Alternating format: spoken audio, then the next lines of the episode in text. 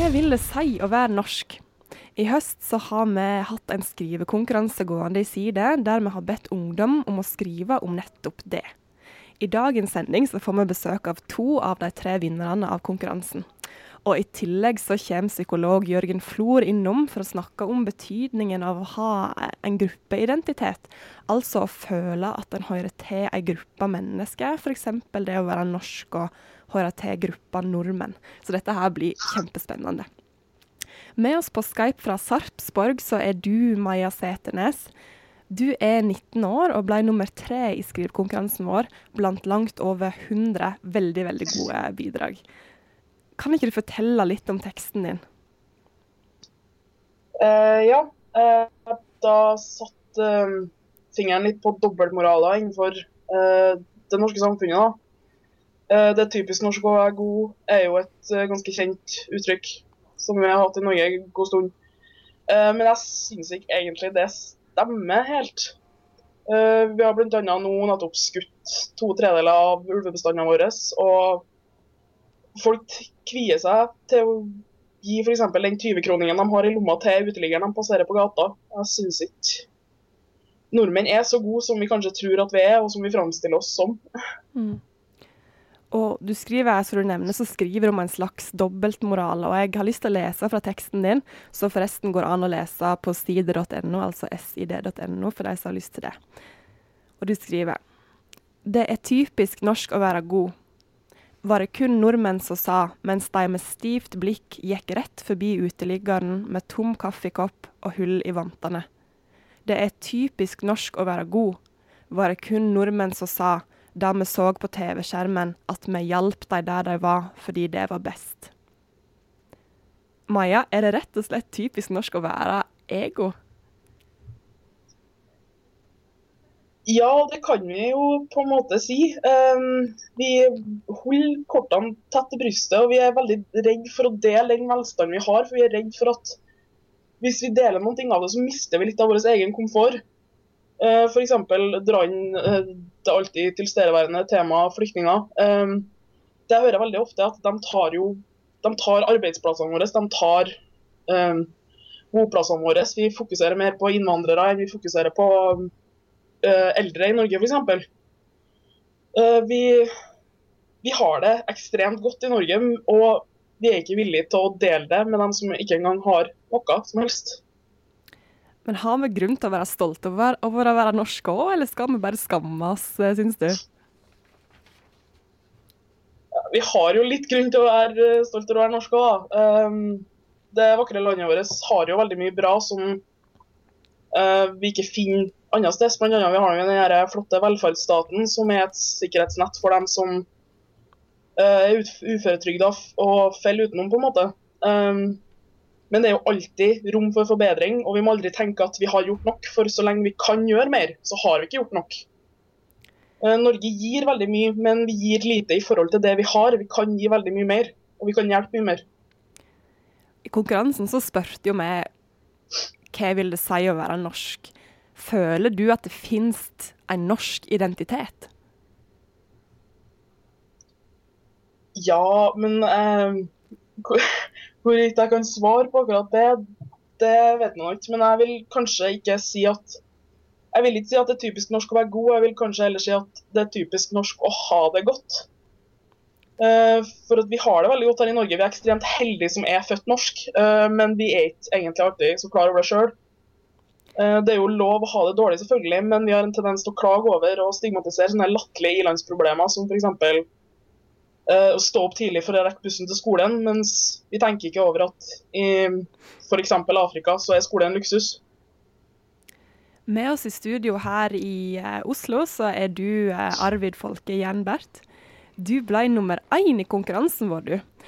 Og før vi skal snakke om ditt syn på det å være norsk, så skal vi snakke litt om deg. Vi er nødt til det. Fordi du er 20 år, fra Gjøvik. Og så bor du rett og slett i ei tømmerhytte uten strøm på Vinstra. Stemmer det? Det stemmer. Jeg har eh, ofra mye for å komme hit i dag. Ja, fortell om reisen din hit. Jeg har uh, gått på fjellski med pulk spent uh, bak meg, og så har jeg trynt tre ganger på vei ned. Men jeg ofrer alt for å komme hit, da, til uh, podkasten. Men hvor, du studerer i Oslo. Du er fra Gjøvik. Hvor, hvor, kom ideen om å bo på ei tømmerhytte uten strøm og vann på Vinstra? Hvor kom den ideen fra? Jeg var i Oslo i fjor da og studerte, men uh, det blir så mye pils og PlayStation og uh, masse annet tull. Uh, og så så jeg liksom på alle bøkene jeg hadde kjøpt av Knut Hamsun og Ibsen og sånn, så tenkte jeg ah, jeg har lyst til å lese dem. Så akkurat nå så lever jeg veldig kjedelig, veldig enkelt og ensomt. Hva sa du? Som i Pan? Som, ja, som i Pan, faktisk. Bare at jeg skulle ønske at jeg hadde en Edvarda. Det er ingen jenter der. Det er ganske trist, egentlig. Men da leser jeg bøker, da. Ja, for du så når, du, når jeg var nede og henta deg i resepsjonen, så har du vært i Oslo en halvtime og kjøpt fem bøker. Ja, det er sant det. Pengene bare rant ut. Det var dumt. Ja. Nå vi skal snakke litt om teksten din. Men jeg er Den, veldig glad for å være her.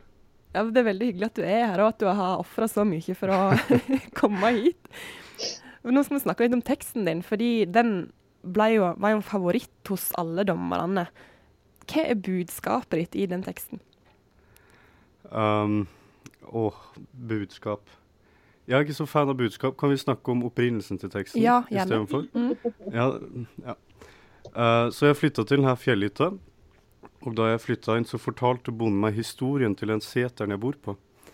Uh, og fortalte om hvordan det bodde seterjenter og husmenn på den seteren på 1800- og 1700-tallet. Uh, og så syntes jeg det var litt komisk. Jeg hadde litt ærefrykt også over at det var jeg, en svensk vietnameser, som er litt redd for sauer, uh, skulle ta over deres land. Uh, så det føltes veldig rart. Og det var en refleksjon som pågikk. Og så hver uke så drar jeg ned til byen for å sjekke nyheter. Og hver gang på onsdag da jeg dro ned, så var det nye oppslag om nasjonalister. Gang på gang på gang. Uh, Trump, Farage, uh, Sylvi Listhaug. Nå blir det Marie Le Pen i Frankrike. Uh, og så begynte jeg å tenke Jeg bor jo på samme plass som urnordmennene bodde på. Uh, liksom ekte nordmennene.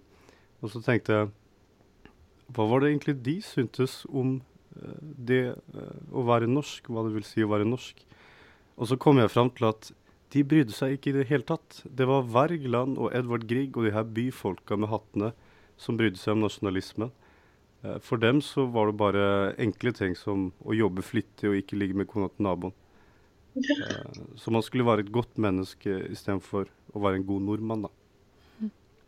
Nå har jeg, jeg har lyst til å lese et utdrag fra teksten din, så jeg vet juryen fester seg veldig ved. Og denne teksten er også tilgjengelig på nett på side.no for de som har lyst til å lese den. Og du skriver Å, jeg spør meg, er jeg norsk nok? Jeg tror ikke urnordmennene hadde brydd seg. Jeg tror ikke engang de brydde seg om hva det ville si å være norsk. Jobb flittig, vær all right, ikke ligg med kona til naboen. Det holdt her. Heller et godt menneske enn en god nordmann. Så sånn som jeg leser deg, da, så syns du egentlig at konkurransen vår var litt sånn teit. For vi spurte hva jeg ville si å være norsk, for du mener at det er ikke helt nødvendig å definere. Ingenting med å si det er teit. Eh, si det er bra. Um, men kanskje litt upassende, sånn som uh, nyhetsbildet er nå, med flyktningkrisen som Maja nevnte. Um, så kan sånne typer spørsmål fort lede over til patriotisme. Der det faktisk blir viktigere å være en god landsmann, et godt menneske. Man ser det med Trump, f.eks. Uh, eh, han har åpna opp i et intervju for at uh, klimaendringer er skapt av mennesker, men likevel så vil han jobbe for kullutbygging. Så implikasjonen er jo at uh, det er viktigere at amerikanere har arbeid enn at jorda går under, på en måte satt på spissen. Uh, så norsk identitet er viktig, og det er et interessant spørsmål. Men det er litt dumt at Aftenpostens side setter det spørsmålet på dagsordenen akkurat nå.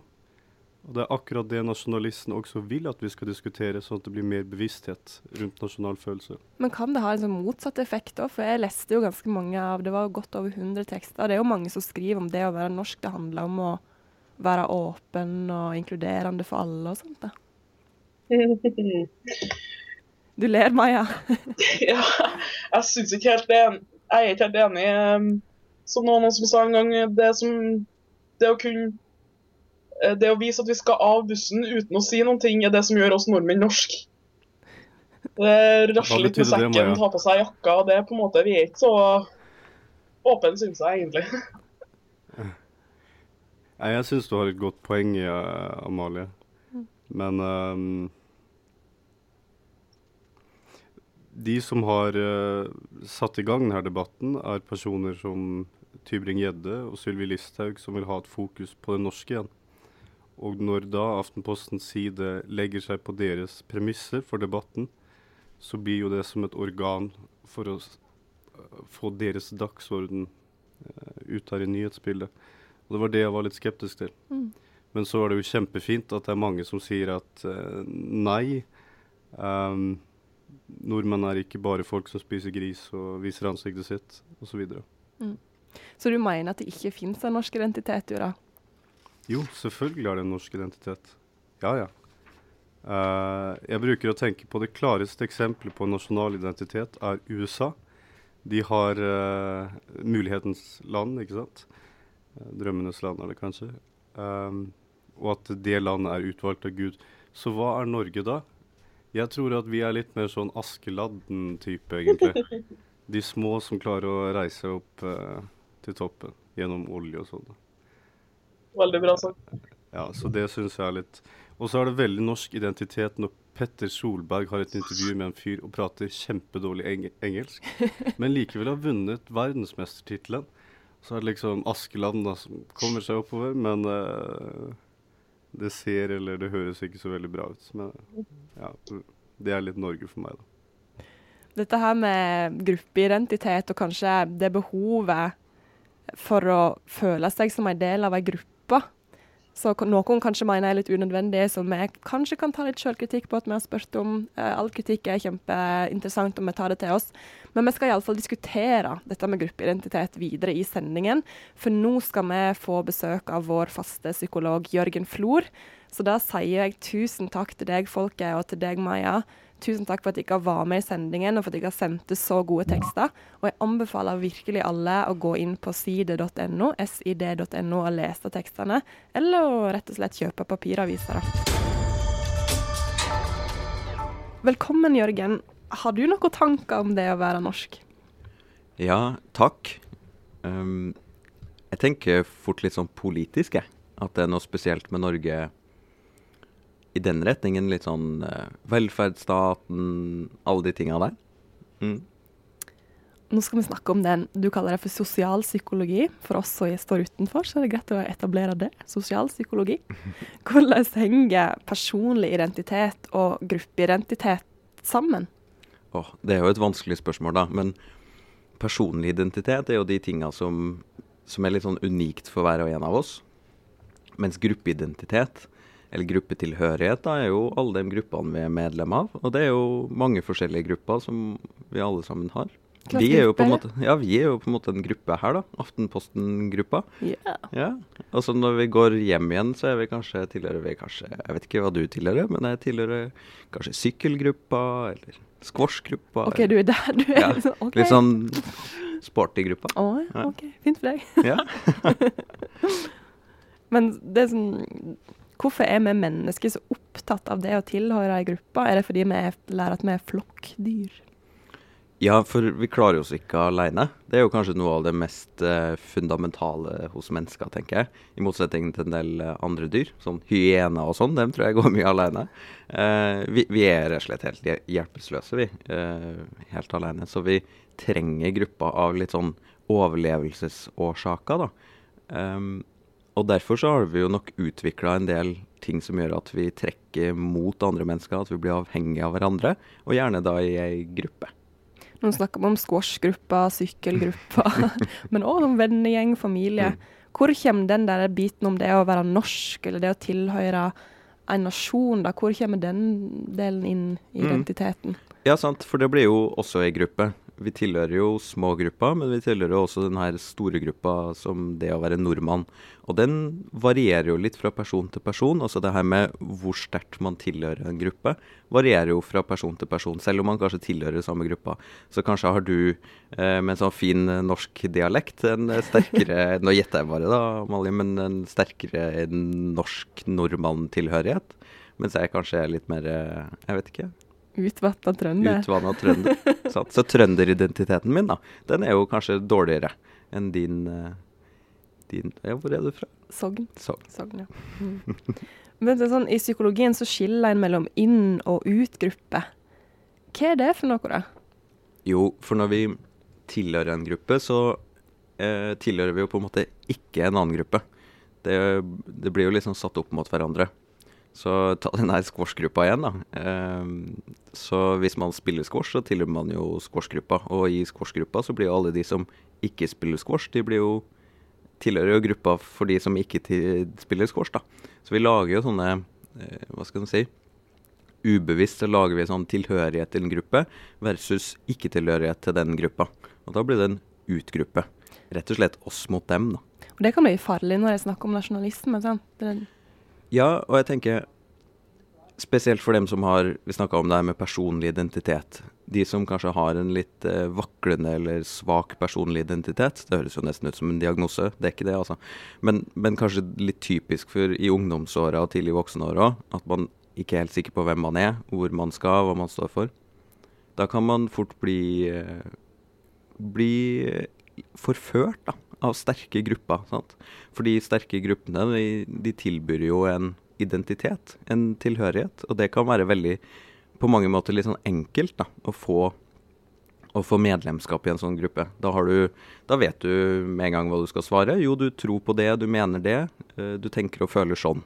Så har du på en måte et slags svar. Gruppa tilbyr et svar til deg. mm. Og det med Høyre er jo masse sånn ungdommer som Eller ikke masse, men mange av de som f.eks. blir radikalisert eller sånne ting. At de, de er egentlig norske eller egentlig franske, men de føler ikke seg sånn. Hvorfor er det så vanskelig når en føler at en ikke passer inn i ei gruppe? For da strides du jo kanskje mellom forskjellige identiteter, da. Og, og det blir jo vanskelig, og, og da ender man opp med en sånn kanskje, Og det ser vi jo på nettopp eh, oppvoksende altså Det her er integreringspolitikk eh, og, og integreringsspørsmål som jeg ikke kan så mye om. men Nei, vi holder oss til psykologien. vi holder oss til psykologien, og der er det helt åpenbart at det å skulle tilhøre liksom motstridende grupper, da, som nasjonalitet, da, eller f.eks. trønder eller østlending, da, som er min, mitt store dilemma for tida, sant? uten sammenligning, da. Vi skal tilbake til den konkurransen vi har hatt gående. For der var det flere av de ungdommene som skrev til oss. De var født og oppvokst i Norge, men de hadde foreldre som kom fra andre land eller andre kulturer.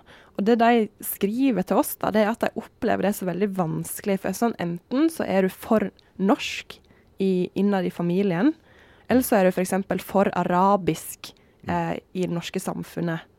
Så identiteten blir på en måte delta. Man kjenner seg splitta mellom to grupper. Er det vanlig? Ja, jeg har ikke lest mye forskning, men det lille forskninga jeg har lest om det her, så er det akkurat det som beskrives. Man er kanskje hjemme med foreldra sine, og der har man én gruppeidentitet, ikke sant. Og, og så er man ute blant kanskje norske venner eller andre venner, og så har man en annen identitet. og og de står kanskje ofte i konflikt med hverandre også. Det handler om hva skal man spise, alkohol, de spørsmåla her sånn. Ja, ja hvordan, Når du føler deg så splitta, hvordan kan det løses, da? Jeg tenker først og fremst at det er utrolig krevende problemstillinger som man skal være forsiktig med å bagatellisere, da. Men jeg ser for meg at det er en veldig sterk personlig identitet, at man selv tar litt eh, jeg skulle til å si ansvar, eller finner ut av de problemstillingene selv, og løser og bygger opp en sånn sterk personlig identitet. Og det syns jeg vi ser, i hvert fall i offentlig debatt, at vi har en, ganske, en del ganske sterke eh, stemmer i, i, s- s- som har to bein i hver kultur, så å si. da. Tusen takk for at du kom, Jørgen Flor. Framover i desember så kommer vi til å ta opp litt mer julerelaterte tema. Og allerede neste uke så skal vi snakke om psykologien bak det å gi til andre, og hvorfor det er bra for deg. Men fram til det så ønsker vi deg ei fantastisk fin førjulstid, og så snakkes vi neste uke. Ha det bra. Ha det!